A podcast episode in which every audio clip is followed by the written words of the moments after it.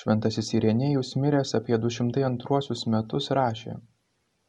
Izaija šiais žodžiais tvirtina, kad Kristus, kuris buvo pas tėvą, kaip tėvo žodis turėjo įsikūnyti, tapti žmogumi, gimti, būti pagimdytas mergelis ir gyventi tarp žmonių. Štai jie.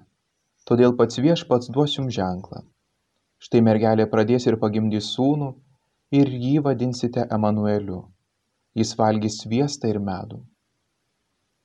Pabrėžė, kad gims iš mergelės, kad bus tikras žmogus, ką patvirtina žodžiai - valgys, ir tai, kad pavadino jį vaiku, ir net tai, kad suteikė jam vardą. Nes hebrajų kalboje jo vardas yra dviejopas. Mesijas tai reiškia Kristus arba pateptasis, ir Jėzus tai reiškia išganytojas o šie du vardai drauge yra skirtingų darbų. Atliekamų pasaulyje įvardinimai. Kristaus pateptojo vardą gavo nes tėvas jį patepė. O per jį ir dėl jo atėjimo padabino visus dalykus. Išganytojo vardą gavo nes buvo išganimo priežastis tiems kurie nuo jo laikų būtent tada buvo išvaduoti. Nuo visokių lygų ir mirties. O tiems kurie vėliau įtikėjo tapo būsimojo ir amžinojo gyvenimo davėjų štai todėl buvo pavadintas išganytoju. Kai dėl emanuelio vardo tai jis buvo išaiškintas taip. Dievas su mumis. Arba taip pat kaip pranašo išreikštas troškimas atliepiantis žodžiams. Dievas tebūna su jumis. Kai taip aiškiname tai tampa gerosios naujienos apreiškimu. Nes sakoma štai mergelė pradės ir pagimdys sūnų o šis būdamas dievas yra skirtas būti su mumis rytų krikščionių tradicijoje šeštajame septintajame amžiais susiformavusi viešpaties gimimo ikona kuri galbūt kiek neįprasta katalikų akiai pripratusi prie tradicinės prakartėlės arba kaip buvome įpratę vadinti kadaise Betlėjaus. Tačiau būtent vienas šios ikonos atributų yra šiandien antifonoje minima Jasės atžala. Ikonos apačioje, šalia Juozapo, vaizduojama Jesės Išajo kelmo atžala, simbolizuojanti pažadus, duotus Abromui ir jo palikuonims. Iš Išajo kelmo išauks atžala, iš jo šaknies pražys pumpuras. Ta diena Išajo šaknies, padaryto ženklų tautoms, ieškos pagonys, nes jos buveinė bus šlovinga. Ta diena viešpats vėl išties ranką atsimti savo tautos likučio, išlikusio nuo sirijos ir egipto patro kušo etiopijos elamo šinaro hamato ir jūros salų. Jis duos ženklą tautoms surinks izraelio tremtinius judo išblaškytuosius sutelks iš keturių pasaulio šalių. Išajas dovydo tėvas. O po babilonijos tremties dovydo dinastija liks tik kelmas iš kurio ataugs nauja atžala mesijinis karalius romos katalikų bažnyčiose neretai galima aptikti ypač įspūdingas kristaus kilmę vaizduojančio jasės medžio kompozicijos. Jasė išajas kurio figūra paprastai yra didesnė nei likusios figūros. Kompozicijos apačioje vaizduojamas miegantis. Tai analogija su bibliniu pasakojimu. Kad adomui užmigus dievas išėmęs jam šonkaulį sukūrė ievą. Iš jasės šono kyla medžio kamienas ar aukštyn stiebiasi vynmedžio laja. Šakose regiamos figūros - tai Kristaus protėviai. Vertikaliai kamienas kyla Dievo motinos ir pačiame viršuje įkomponuotos Kristaus figūros link. Gruodžio 20 dienos antifonoje, kurioje į išsilgtą į Mesiją kreipiamasi Dovido rakte, esama sąsajų ne tik su Senojo, bet ir su Naujojo testamento tekstais klebis David, et spectrum domus Izrael. O Dovido rakte, Izraelio namų skeptre. Tu atveri ir niekas nebeužrakins. Tu uždarai ir niekas nebetidarys. Ateik ir išves surakintą iš kalėjimo, sėdėti tamsoje ir mirties šešėlyje. Šiame sakinyje aidė pranašo Izaijo mintis. Jis sako, jam ant pėties uždėsiu Dovido namų raktą kai jis atrakins niekas negalės uždaryti kai jis užrakins niekas negalės atidaryti Raktas – tai Kristaus valdžios visako, kas yra tėvo namuose, tai yra visos kūrinijos atžvilgių ženklas. Laikantis raktą turi gali atverti duris ir įsileisti vidun arba išleisti laukan. Pranašų ištarmė, kai jis atrakins, niekas negalės uždaryti, kai jis užrakins, niekas negalės atidaryti, kartu išreiškia ir Dievo sprendimo neatšaukiamumą ir nekintamumą. Dovido rakto vaizdinį sutinkame ir Naujajame testamente. Apreiškime Jonui arba Apokalipsėje. Tai kalba šventasis, tiesia kalbis, turintis Dovido raktą. Tas, kuris atrakina ir niekas nebeužrakina. Užrakina ir niekas nebetrakina. Kitoje apokalipsės vietoje sakoma, turiu mirties ir mirusiųjų pasaulio raktus. Kalėjimo tamsoje ir mirties šešėlyje sėdinčiųjų paveikslas atsiskleidžia psalmių knygoje.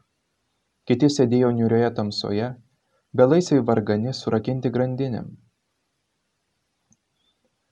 Katalikų bažnyčios katekizme pažymima mirusiųjų buveinę į kurią buvo nužengęs miręs Kristus, šventasis raštas vadina pragarais, šeolu ar hadu, nes ne vienam ten esančių nebuvo leista regėti Dievo. Atpirkėjo belaukiant toks buvo visų mirusiųjų, blogųjų ar teisiųjų likimas. Bet tai nereiškia, kad visiems jis buvo vienodas, kaip matyti iš Jėzaus palyginimo apie vargšą lozorių, nuneštą į Abromo prieglopstį. Jėzus Kristus nužengęs į pragarus išlaisvino teisiųjų sielas, kurios Abromo prieglobstyje laukia išganytojo.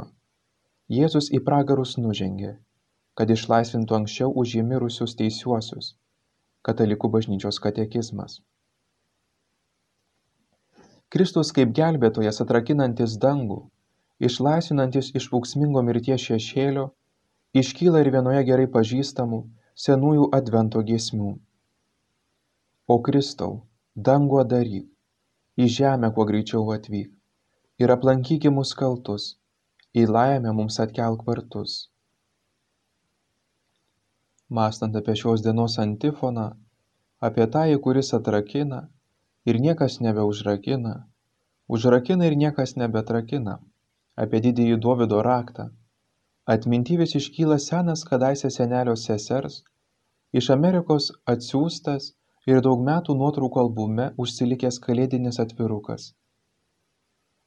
Anų tarybinių laikų vaikui, įpratusiam prie atvirukų su vidurnaktį, rodančiais laikrodžiais, snege žaidžiančiais miško žvėreliais, man jis atrodė toks nepaprastai gražus. Vien slaptingo žvaigždžių šviesos sklaidomoje nakties ūksmėje, pro miesto vartus žengė šventoji šeima. Ant asilo jojanti ir kūdikėlį Jėzų glėbyje laikanti švenčiausiai mergelė Marija. Greta einantis šventasis Juozapas, metams bėgant, tas atvirukas kažin kur užsimetė. Kaip ir daugelis tokių paprastų, bet ypač brangių mūsų gyvenimo dalykų. Bet atmintyje iki šiol įstrigę laikosi jo viduje buvę įrašyti žodžiai. Žmogus gimsta tam, kad perėjęs gyvenimą pasiektų dangų. Kristus gimė tam, kad atvertų dangaus vartus mūsų gyvenimo pabaigoje. O Kristau, dangų atidaryk, nes tik tu turi Dovido raktą. Kai tu atrakini, niekas nebeužrakina. Kai tu užrakini, niekas nebetrakina. Šventasis Bernardas Klervietis, bažnyčios daktaras, miręs 1159 metais rašė Dievas siuntė angelą pas mergelę. Nuo Dievo, sako evangelistas, pas mergelę. Tai reiškia nuo aukštojo pas mažąjį, nuo viešpaties pas tarnaitę, nuo sutvėrėjo pas kūrinį. Koks Dievo nusižeminimas ir koks mergelės išaukštinimas. Bėkite, motinos, bėkite, dukterys, bėkite visi, kurie po javos ir iš javos esate gimę ir gimstate su liūdesiu. Prisertinkit prie mergelės alkieriaus. Ženkite, jei galite vidun į kuklę jūsų sesers buveinę.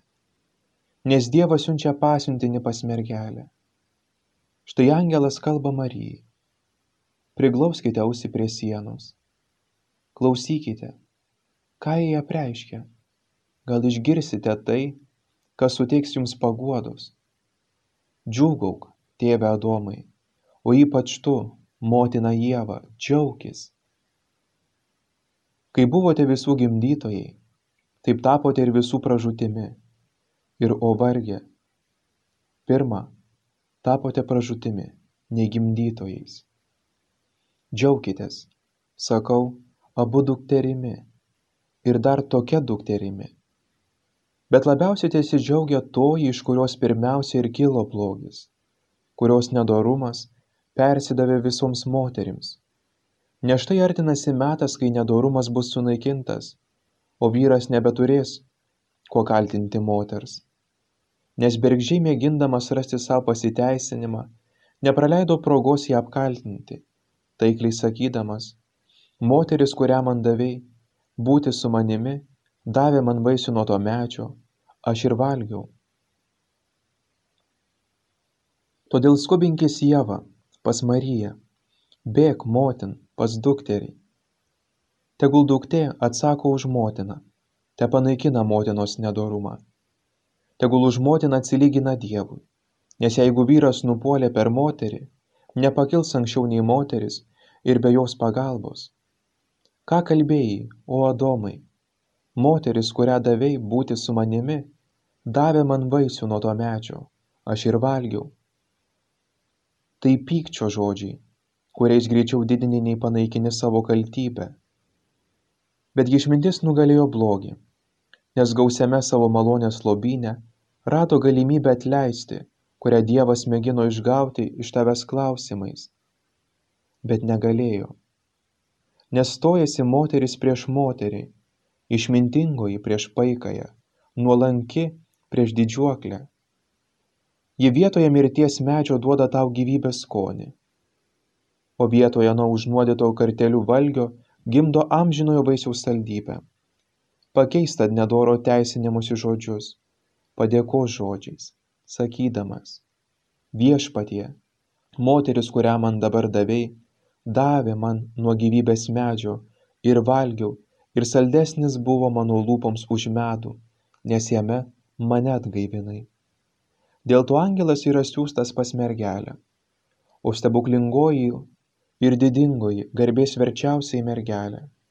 O mergelė, nusipelnanti ypatingos garbės, vertesnė už visas moteris, protėvių atnaujintoje, palikuonių atgaivintoje, rašė cistersų vienuolis ir bažnyčios daktaras šventasis Bernardas Klervietis. Gruodžio 21 dieną skamba antifona o orient splendor liucis.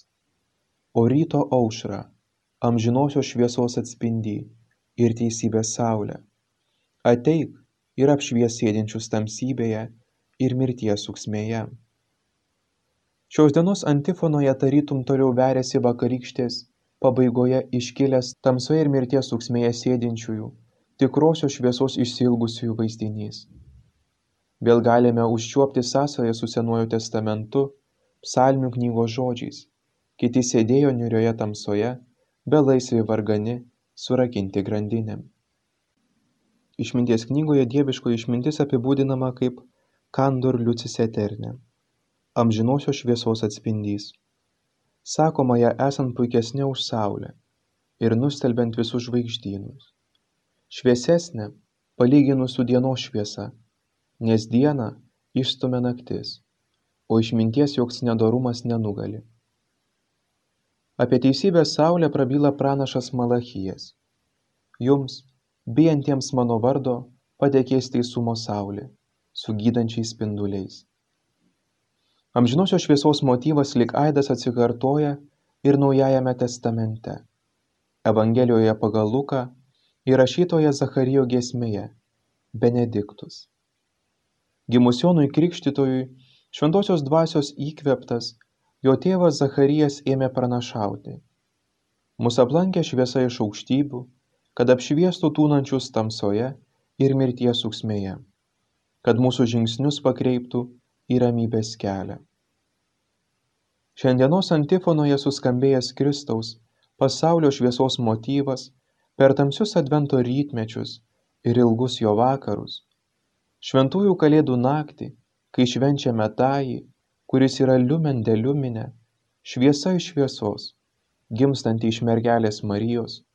Paskui tris karalius vedančią žvaigždę, lašantį grabnyčių žvakių, skelbiančių šviesą visoms tautoms apšviesti vašką, lydės mus iki pat didžiosios Velyknakčio liturgijos, kai bažnyčios tamsoje, suspindus Velykų žvakiai, bus tris kart kartojama – Kristus mums šviečia.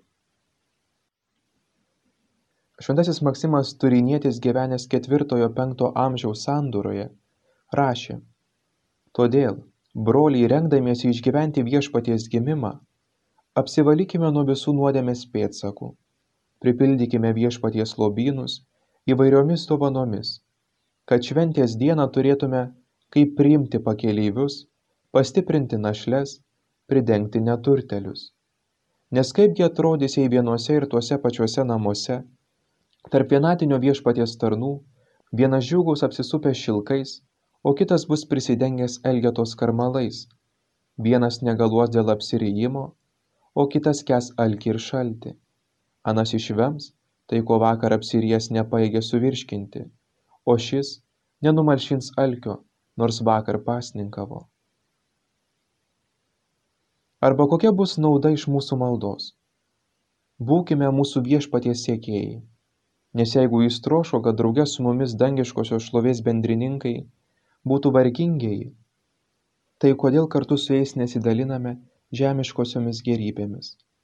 Tegul mums valgant nebūna svetimi tie kurie yra mūsų broliai sakramentuose nes jiems tarpininkaujant lengviau apginsime savo bylą prieš viešpatį.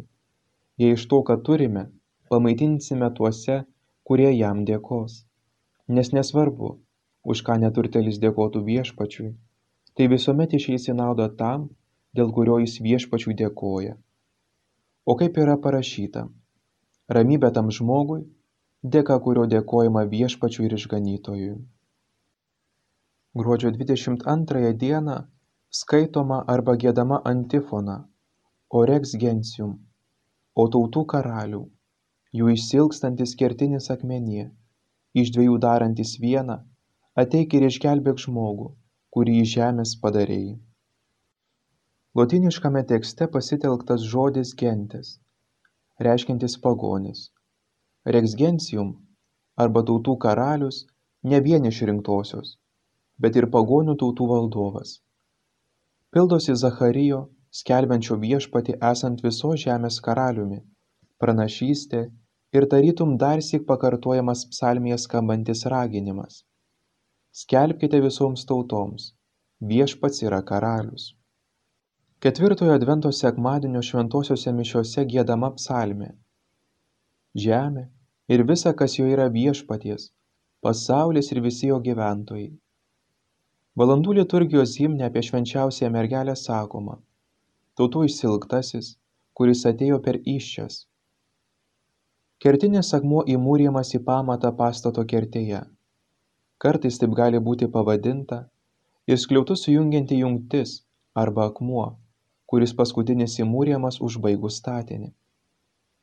Šventajame rašte kertinis akmuo tai kristus į kurį remiasi visa bažnyčios statyba.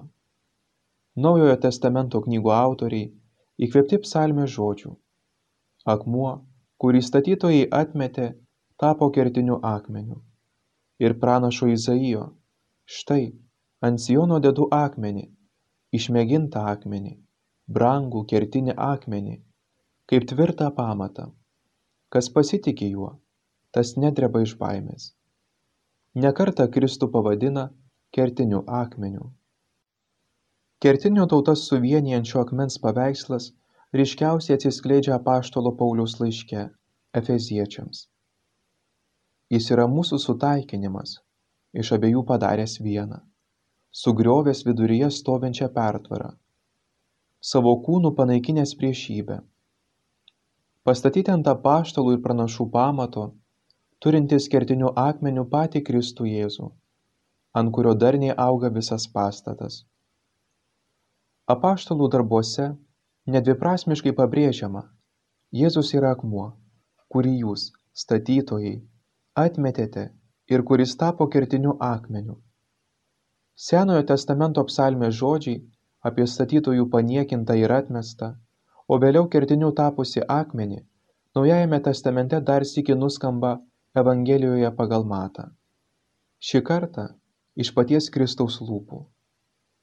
Palyginime apie vynininkus žmogžudžius sakoma tuomet jėzus tarė ar niekada nesate skaitę raštuose?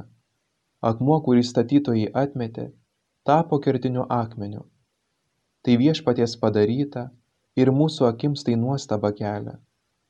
Todėl sakau jums dievo karalystė bus iš jūsų atimta ir atiduota tautai kuri duos vaisių. Kas nukris ant to akmens tas suduš, o ant ko akmuo užgrius, tas bus sutriuškintas. Antifonos tekstas gali paskatinti ieškoti sąsajų tarp žmogaus, kurį Dievas sukūrė iš molio ir plytos, naudojamos pastato statyboms. Kristus, kuris pats yra kertinis bažnyčios akmuo, stato ją iš mūsų gyvųjų akmenų. šventasis cezaris iš arlio miręs penki šimtai keturiasdešimt metais rašė jei žemiškasis karalius ar kuris kitas svarbus žmogus pakviestų tave į savo sukaktuves ar tuomet nesistengtumei ateiti apsivilkęs naują švarų ir gerą drabužį kad neįžeistum tave kvietusiojo tuo kad atėjai vilkėdamas sunešiotą pigų ir nešvarų rūbą? Lygiai taip pat stenkis kiek įmanydamas kristui padedant kad į amžių karaliaus iškilmę viešpaties išganytojo gimimą tavoji siela atkaktų pasidabinusi įvairiomis dorybėmis paprastumo perlais ir nuosaikumo žiedais kad turėtų sąžinę gryną spindinti tyrumą įstabią meilę ir gailestingumo darbų baltumą. Jei viešpats kristus pamatys kad taip apsivilkęs ateini į jo užgimimo iškilmę ne tik pats trokš aplankyti tavo sielą bet netgi panorės joje atilsėti ir amžiams apsigyventi.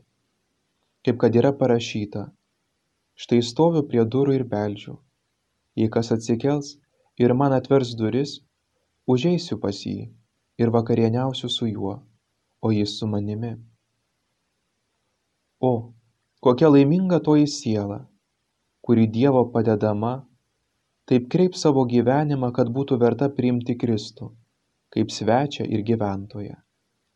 Ir priešingai, kokia nelaiminga ir apverktina toji siela, kuri tiek susitepia nedorais poelgiais, godumo purvu,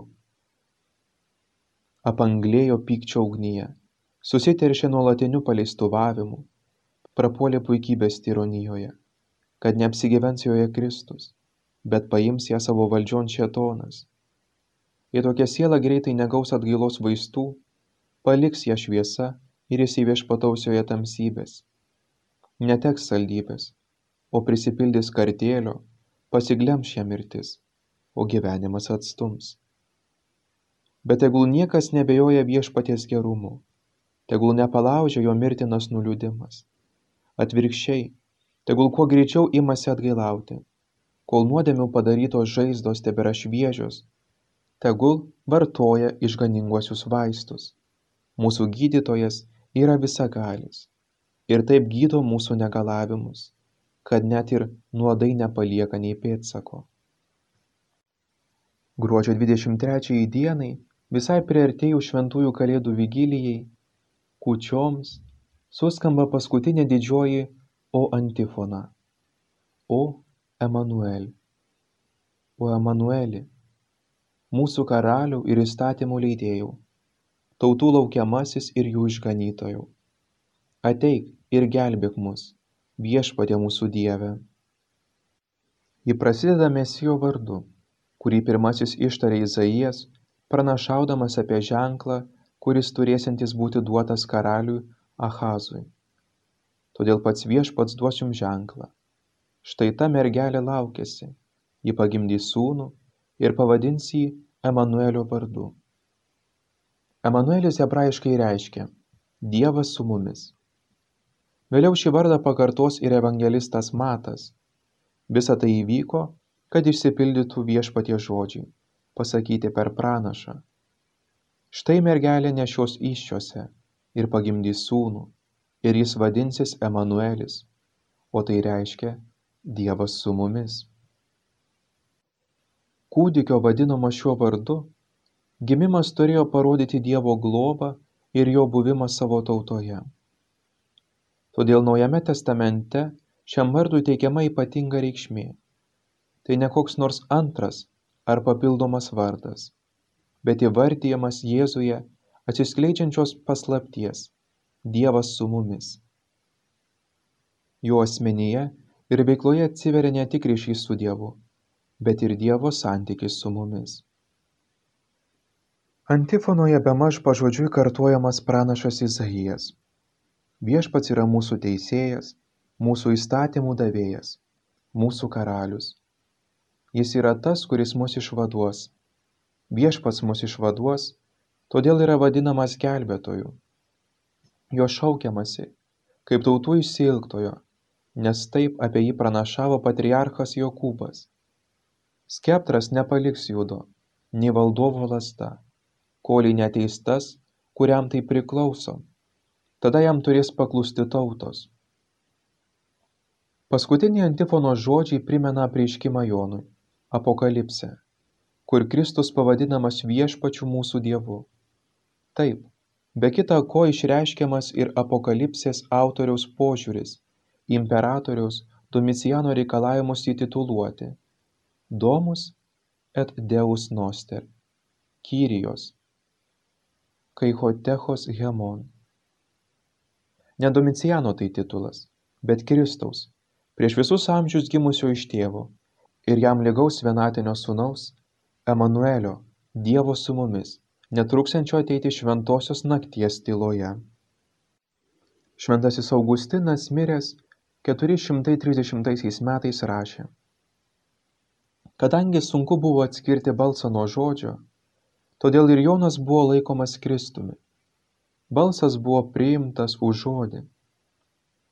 Bet balsas kad nepaniekintų žodžio pripažino nesu sako nei kristus nei elijas nei pranašas jam atsakė tai kas gi tu esi? Aš esu sako tyrose šaukiantis balsas. Taisykite viešpačiui kelią. Tyruose šaukiančiojo balsas, balsas to, kuris pralaužia tylą, taisykite viešpačiui kelią. Tartum būtų norėjęs pasakyti, mano balsas skamba tam, kad jį įveščiau į tavo širdį. Bet ten, kur jį turiu atvesti, jis teiksis ateiti tik tuo met, kai paruošite jam kelią. Kągi kito reiškia taisykite kelią jei ne maldaukite jį kaip dera ką gi kito reiškia taisykite kelią. Jeigu ne mintikite nuolankiai. Imkite nuolankumo pavyzdį iš jono. Laiko jį kristumi. O jis sako nesantis tuo kuo jį laiko ir savo garbei nepriima kitų klaidų. Jei būtų pasakęs aš esu kristus kaip lengvai būtų juo patikėję, nes juk dar prieš jam prabylant jau buvo juo tikima. Bet vis dėlto šitaip nepasakė, pripažino, kuo esas, atsiribojo nuo jų įsitikinimo, nusižemino. Žinojo, iš kur ateina išganimas, žinojo esas tik žibintas ir būkštavo, kad jo neužgesintų išdidumo gūsis. Ligonio akis bijojo dienos šviesos bet pakenčia žibinto šviesą. Ir todėl diena, kuri turėjo išaušti, prieš akį savęs išsiuntė žibintą. Į ištikimųjų širdis prieš akį jo ėjo žibintas, kad sudrumstų be dievio sumanimus. Parengiau, sako mano Kristui žibintą. Tai pranašystėje byloja Dievas tėvas. Prirengiau savo Kristui žibintą, Joną, išganytojo pranašą, pirmtaką, turinčiam ateiti teisėjui, būsimam sužadėtiniui, bičiulį. Septynios adventinės antifonos gėdomos ar recituojamos paskutinę advento savaitę. Primena, koks nepriepiamas yra Dievas ir su kokia pagarba, meilė, ilgesiu ir tikėjimu į jį kreipiasi daug nuolat laukiančios žmonijos kartų. Skaitė seminaristas Martynas Muleronka.